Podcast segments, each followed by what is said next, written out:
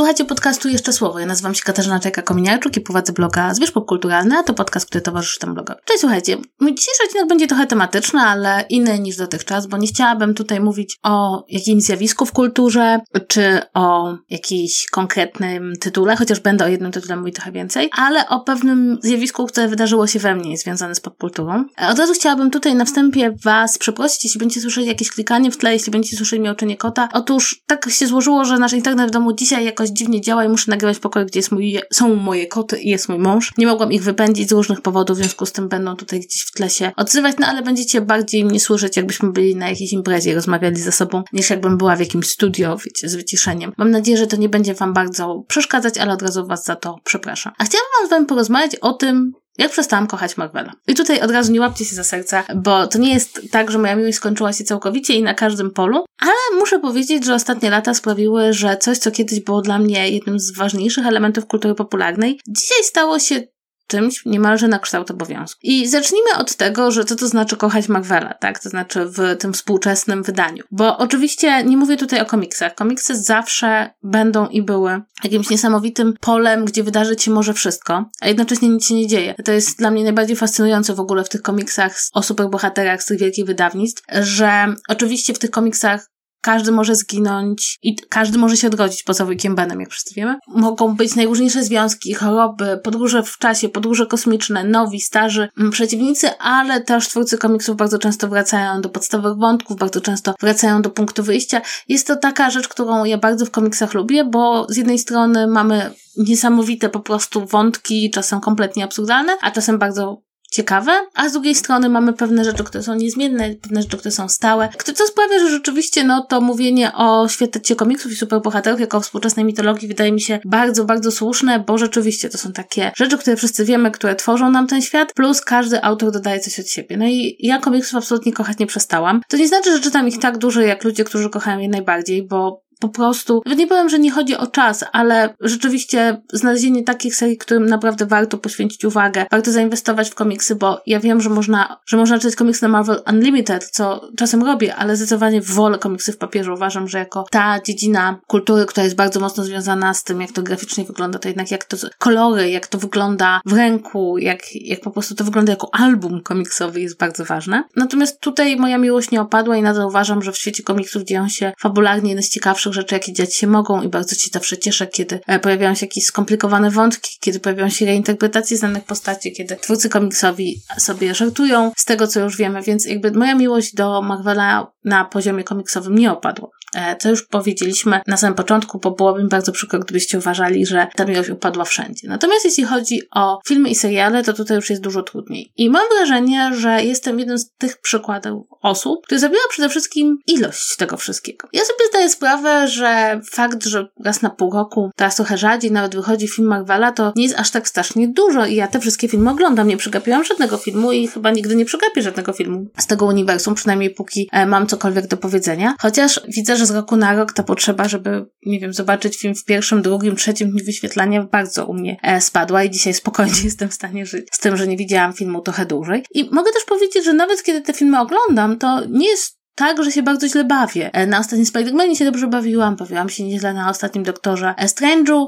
na legendzie Shang-Chi się dobrze bawiłam, czy właśnie na Shang-Chi i legendę Dziesięciu Pierścieni się nieźle bawiłam. Więc to nie jest tak, że to są złe seanse dla mnie, ale jednocześnie kiedy próbuję sobie przypomnieć te uczucia, które towarzyszyły mi, kiedy oglądałam pierwszy Avengers, kiedy oglądałam nawet bardzo, bardzo słabego drugiego Tora, kiedy no wszyscy oglądaliśmy Avengers Infinity War, no to to są już zupełnie inny rodzaj spektaklu, zupełnie inny rodzaj emocji, uczuć. Nawet jeśli w tamtych filmach coś mi się nie podobało, a bardzo często było tak, że nie byłam jakąś niesamowitą, zagorzałą fanką każdego rozwiązania fabularnego i do dzisiaj uważam, że Iron Man 3 jest pod pewnymi względami jednym z najdudniejszych filmów, jakie widziałam, e, to to był film, do którego wracałam. Bardzo często widziałam je więcej niż raz. E, robiłam sobie powtórki. E, miałam ochotę w ogóle do nich wrócić. Miałam, nadal miewam ochotę na przykład, żeby jeszcze raz obejrzeć pierwszego Tora. E, nawet jeśli druga połowa tego filmu jest nudna. Ale coś się zmieniło. Jakby wydaje mi się, że ta ilość tych filmów sprawiła, że one stały się bardziej jednorazowe. Trudniej tutaj zakochać się w postaciach. Bardzo często w ogóle łatwo zapomnieć, że się jakiś film widziało. Mam wrażenie, że bardzo dużo osób dosyć e, zbiorczo wykasowało oglądanie Eternals. Jakby jest to film, który miał być bardzo ważny w świecie tego nowego Marvela, tego nowego rozdania. Tymczasem, no, nie da się ukryć, że stał się taką przestrzenią,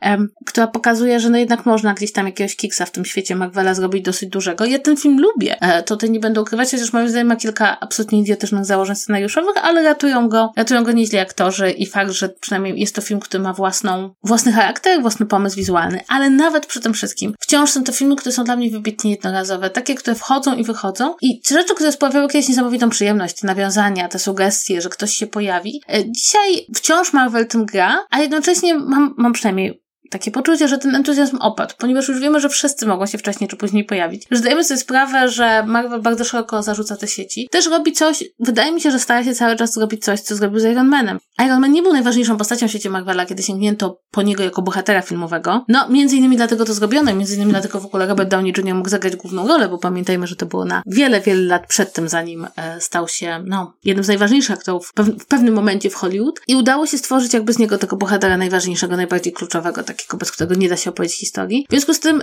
już wiemy, że to jest możliwe i mam wrażenie, że Disney, Disney teraz, no Disney Marvel, cały czas próbuje właśnie wyłapać takich bohaterów drugiego planu, z których można byłoby zrobić bohaterów planu pierwszego, których legendę można byłoby, można tak powiedzieć, stworzyć na nowo dla widzów filmowych, ale jakoś im to nie wychodzi. Być może nie da się dwa razy zrobić tej samej sztuczki. Inna sprawa jest też taka, że te postaci, które prawdopodobnie najchętniej chcielibyśmy zobaczyć w świecie Marvela, czyli chociażby X-Meni, czy Fantastyczna Czwórka, e, które powinny w tym świecie zaistnieć, gdzieś tam e, są nam sygnalizowane, że będą, ale chyba jeszcze nie ma na nich za bardzo pomysłu, co jest dosyć ciekawe, tak, żeby cały czas eksplorować świat bohaterów jakichś tam drugoplanowych, ani sięgać po tych, którzy być może byliby dla widza najciekawsi. E, kolejna sprawa, która sprawia, że jest mi trudniej być fanką Marvela, e, poza tą taką jednorazowością filmów, to jest kwestia seriali. I dla mnie to jest największe zaskoczenie, e, jakie przeżyłam, bo byłam przekonana, że kiedy Disney Plus wejdzie do Polski, to się na te seriale rzucę i one mnie po prostu powalą na kolana i że będę po prostu je wchłaniać wszystkie po kolei. Tymczasem prawda jest taka, że większość z tych seriali po prostu nie polubiłam, po prostu mnie nie porwały. I zaczęłam się zastanawiać, co, co się właściwie takiego stało, bo pamiętam i lata, lata temu, kiedy, nie wiem, debiutowali nawet słabi agenci tarczy, jak po prostu nie ma, miałam łzy w oczach, że nie mogę ich oglądać i że w ogóle co to się dzieje, że ten świat jakoś rozwija się beze mnie. A teraz doszłam do momentu, w którym trochę Siadam do tych seriali bez entuzjazmu. Często jest tak, że nie oglądam ich do końca, bo, bo nie czuję potrzeby. E, widziałam kilka. E, to nie jest tak, że ich nie lubię, bo Lokiego lubię. Lubię wbrew wszystkim. Wbrew wszystkim lubię She-Hulk. Ja wiem, to jest, to jest to, o czym chciałam powiedzieć więcej, że ja lubię She-Hulk i ja nie rozumiem, dlaczego ja lubię ten serial. Mam wrażenie, że dlatego, że jednak on jest trochę meta i trochę nie udaje, że jest w stanie dać nam coś więcej w tym świecie, tylko po prostu żongluje rzeczami, które już znamy, a jednocześnie daje nam coś, czego nie mieliśmy, czyli y, jakiś próbę nawiązania do formuły sitcomu, co ja, ja lubię ten gatunek, więc to jest może to, może to, że to odcinki trwają pół godziny. Ale uświadomiłam sobie, że problem jest taki, że to, co mnie w jakiś sposób pociąga w komiksach, czyli właśnie ta fabularna dziwność połączona z pewnymi elementami niezmienności, na dłuższą metę zaczyna mnie nużyć e, w tym, co Marvel robi w filmach i serialach. To znaczy, te wszystkie historie muszą być do siebie w jakiś sposób podobne, bo są historiami wyjętymi z pewnego zasobu opowieści fabularnych o superbohaterach, które, które się zamykają tak naprawdę w kilku różnych możliwych tropach. Mamy albo opowieść o początku bohatera, gdzie mamy kogoś, kto jest zdezorientowany i musi odkryć swoje moce i musi się dopiero nauczyć z nich korzystać. Mamy bohatera, który musi przerobić coś, co mu się wydarzyło w przeszłości, musi się jakoś z tym ułożyć. No i mamy takiego bohatera, który ma staje przed koniecznością wymyślenia się zupełnie na nowo. I te właściwie wątki wszystkie znajdziemy w świecie seriali na podstawie e, różnych postaci ze świata Marvela. I one wychodzą albo lepiej, albo gorzej. Możemy mieć albo Falcon i Winter Soldier, którzy no dzięki doskonałej obsadzie aktorskiej, ale też chyba dzięki właśnie takiemu pogłębieniu wychodzi bardzo fajnie. Mamy Lokiego, który chyba jest najbliższy tej swobodzie, jaką daje opowieść komiksowa. Mamy WandaVision, która się bardzo dobrze zaczyna i, i potem z różnych powodów gorzej kończy. Natomiast mamy też takie rzeczy jak Moon Knight, mamy Miss Marvel, które to seriale są jakby w takich kajdanach konieczności opowiedzenia o wprowadzenia postaci, wprowadzenia bohatera czy bohaterki. Być może za to lubię She-Hulk, że She-Hulk rozgrywa to w jednym ze swoich najgorszych odcinków, w pierwszym odcinku, to jest beznadziejny. E, I potem już do tego nie wraca, tak? To znaczy, oczywiście bohaterka tam przechodzi jakieś przemiany, ale to nie jest taka typowa opowieść o narodzinach bohaterki. Mam wrażenie, że po prostu gdzieś po drodze nie udaje się znaleźć takiego języka opowieści, e, który byłby na dłuższą metę atrakcyjny. Ja wiem, że oczywiście rozmawianie o Marvelu serialu, języku opowieści, o schematach narracyjnych jest o tyle problematyczne, że większość ludzi, którzy ogląda te filmy, nawet je krytykuje, zdaje sobie sprawę, że to jest taki produkt bardzo mocno komercyjny, tak? To znaczy właściwie jest to sam szczyt komercyjności, e, jeśli chodzi o kino, że to ma być właśnie ta produkcja, która spodoba się największej grupie osób, która jest w dużym stopniu nastawiona na to, żeby być produktem, że tam właściwie tych aktorskich, autorskich, reżyserskich przestrzeni jest bardzo mało. E, zresztą chyba, tak mi się wydaje, Ethan Hawke no, powiedział, że bycie, współpraca z Marvelem jest bardzo fajna, jak się jest aktorem, ale niekoniecznie jest fajna, jak się jest reżyserem, bo po prostu to nie o to chodzi, żeby ktoś tam umiał zrobić coś sam, tylko żeby umiał się wpasować w pewną konwencję, a jak ktoś robi coś po swojemu, no to czasem mu to wychodzi, jak Tika Waititi w pierwszym swoim torze, a czasem to nie wychodzi, jak Chloe Zhao w swoich właśnie Eternals, jakby nie wpisała się w ten nurt i wydaje mi się, że to nie wyszło. Jednocześnie wokół tych całych historii Marvela narasła taka bardzo przedziwna kultura, która z jednej strony jest taką kulturą bardzo łapczywą, bardzo taką przywiązaną do szczegółów, bardzo taką wymagającą człowieka, żeby to wszystko chłonął w całości. To jest bardzo czasochłonne i, i z czasem człowiek chyba odkrywa, że zupełnie tego nie warte. Z drugiej w jakiś sposób próbująca cały czas wrócić do tych emocji, które towarzyszyły nam, kiedy te narracje komiksowe były jeszcze młode, kiedy jeszcze nie było oczywiste, że bohaterowie mogą się spotkać w jednym filmie, kiedy jeszcze było tyle postaci, których nie wiedzieliśmy, kiedy każde nawet najdrobniejsze nawiązanie wskazujące na to, że twórcy tych filmów czy seriali znają komiksy, brzmiało po prostu jak coś fantastycznego. Też wydaje mi się, że problemem jest to, że coś, co było bardzo mocno związane z jakąś taką zamkniętą grupą ludzi, z tej zamkniętej grupy ludzi wyszło, to trochę straciło na swojej atrakcyjności. To jest, e, wydaje mi się, zawsze ten problem, kiedy kultura nerdowska staje się po, bardzo popularna, no bo zasadniczo rzecz biorąc, wtedy odkrywamy, że być może to, że interesowało się nią tak, taka niewielka grupa osób w tak intensywny sposób niekoniecznie sprawiła, że ona jest aż tak intensywna, tylko po prostu dla tych ludzi ona była taka intensywna. Zresztą tu mogłabym na marginesie powiedzieć, że dla mnie jest też ciekawe to, co się stało ze mną i z Gwiezdnymi Wojnami, bo ja kocham Gwiezdne Wojny, jakby no filmy widziałam tyle razy i to te lepsze i gorsze, że trudno byłoby mi po, jakby policzyć nawet. Czytałam książki z, kiedy wychodziły i kiedy się zaczęły pojawiać seriale, to nagle zdałam sobie sprawę, że no, po obejrzeniu jednego, że ja nie chcę tego więcej. I, i że jakby to mi wystarczało mi ten świat, który mogłabym jakoś objąć, który nie wymagał ode mnie po prostu, żebym ja się tak w niego zatopiła. A kiedy on się nagle robi tak bardzo wymagający właściwie, to nagle jest taki przycisk pauzy i pytanie, czy mi się chce. Oczywiście zakładam, że jakąś, jakieś znaczenie ma tutaj fakt, że ja po prostu robię się coraz starsze. Te zjawiska trwają już bardzo wiele lat, no jednak Avengersi to jest 2012 rok, to już jest 10 lat temu, słuchajcie, to po prostu aż trudno uwierzyć. Ale to i, i myślę, że ta Kasia sprzed 10 lat była inną osobą i być może miała więcej cierpliwości, e, a być może Tom Hiddleston jej się bardziej podobał. Ale mam też jakieś wrażenie, że być może gdzieś tam po drodze jednak istnieje coś takiego jak przesyt. I to oczywiście mówimy o tym przesycie od dawna i też bardzo wiele osób się właśnie wypowiada, że trochę Disney nie ma pomysłu, ale ja nie, nie wydaje mi się, że to musiało iść w tą stronę, że wydaje mi się, że to wynika raczej z tego, że udało się w tej pierwszej fazie Marvela, nawet drugiej, złapać jakieś takie niesamowite uczucie, czyli z jednej strony osoby, które nie znały komiksów, wchodziły w świat, który był dla nich kompletnie nieznany, taki wiecie, że te filmy się ze sobą łączą, to było coś nowego, coś fantastycznego, a z drugiej strony osoby, które komiksy znały i kochały, nagle, nagle miały wiedzę, nagle znajdowały się dużo bliżej centrum zainteresowań kulturalnych, no i mogły też powiedzieć, ej, słuchajcie, zobaczcie, tutaj jest ten taki na drugim planie, na drugim tle jakiś szczególik, o którym my wiemy, co on znaczy i e, każdy chyba pamięta, jak był w kinie i usłyszał takie pojedyncze wzdechy, czy takie wciągnięcie powietrza, które oznaczało, że gdzieś tam na sali siedzi ktoś, kto, nie wiem, rozpoznał rękawicę Thanosa na przykład. Więc wydaje mi się, że to były takie uczucia, które wiązały się właśnie z tym pierwszym wejściem, ale dzisiaj już nie, nie tak łatwo je przywołać. Mam wrażenie, że nawet dobrze to było widać w ostatnim Doktorze Strange'u, kiedy był ten taki moment, w którym spotykają się em, bohaterowie z różnych światów, superbohaterskich, tam gdzie Xavier wyjeżdża na wózku, gdzie pojawia się właśnie ktoś z Fantastycznej Czwórki i nie miałam wrażenia, żeby to wywoływało takie emocje, jakby wywołało 10 lat temu. Być może tak to już jest po prostu, że nam się pewne rzeczy w popkulturze nudzą, trochę męczymy się nimi, trochę już mamy dosyć, trochę chcielibyśmy czegoś innego, trochę też no po prostu nie mamy na to czasu. Też wydaje mi się, że to jest ten niesamowity problem obecnie Marvela, który postawił na, na właśnie na takie bardzo całościowe podejście, czyli na to, że właściwie, żeby w pełni zrobić ostatniego Doktora Strange końca trzeba było zobaczyć WandaVision. I ludzie, którzy widzieli WandaVision, widzieli zupełnie inny program, zupełnie inny film niż ludzie, którzy tego nie widzieli. Zresztą raz już Marvel zrobił, to było przy drugich Avengersach, tak? Sam początek drugich Avengers jest trochę puentą e, agentów tarczy, w związku z tym to też znowu był taki moment, w którym e, właściwie się okazało, że musimy bardzo, bardzo dużo zainwestować. I wydaje mi się, że to jest trochę jednak przecenianie uwagi widzów, to znaczy, może mi się tak wydaje, ale jednak mimo wszystko gdzieś tam po drodze widzowie po prostu nie mają na to czasu i też ochoty i jakby właśnie to, to ile trzeba zainwestować w to wszystko czasu, żeby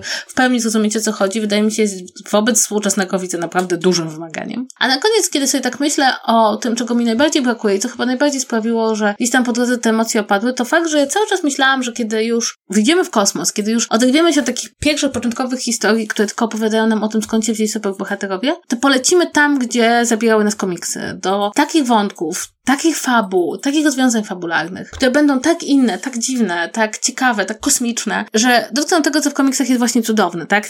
Ich właściwie braku granic, tak? Tam się właściwie wszystko może wydarzyć, tam właściwie tylko wyobraźnia autorów ogranicza, a nawet czasem wyobraźnia autorów wydaje się być nieograniczona. I to się nie stało. I dostajemy filmy, które tak naprawdę się tak za, za, zakopały w swojej gatunkowości, że nie są w stanie z nią nic zrobić, mimo że mają wszystkie materiały, żeby z tego wyjść. I to jest wydaje mi się dosyć ciekawe, że tak naprawdę mamy tutaj historie, które powinny być absolutnie przefantastyczne, a są tak naprawdę bardzo mocno sadzone w gatunkach, bardzo mocno sadzone w tropach. I chyba ostatecznie moje serce gdzieś tam ulotniło się, kiedy zorientowałam się, że w tym wszystkim brakuje wyobraźni. E, co oczywiście pewnie część osób wam powie, no tak, no bo to produkt, ale produkt też można zrobić z wyobraźnią, albo można przynajmniej się postarać, albo można zaryzykować. No w świecie Marvela nikt nie ryzykuje, bo to jest, to jest franchise, to są olbrzymie pieniądze, nikt tu nie będzie ryzykował, ale wydaje mi się, że bez ryzyka nie ma tego po prostu tego czegoś, co to naprawdę uderza i pociąga. Czy to znaczy, że przestanę oglądać film Marvela? No nie, no to jest właśnie chyba ten największy paradoks, to jest chyba to, e, co trzyma nas w jakiejś obręczy po prostu, e, czyli ja będę prawdopodobnie, nawet na 100% będę nadal oglądać filmy,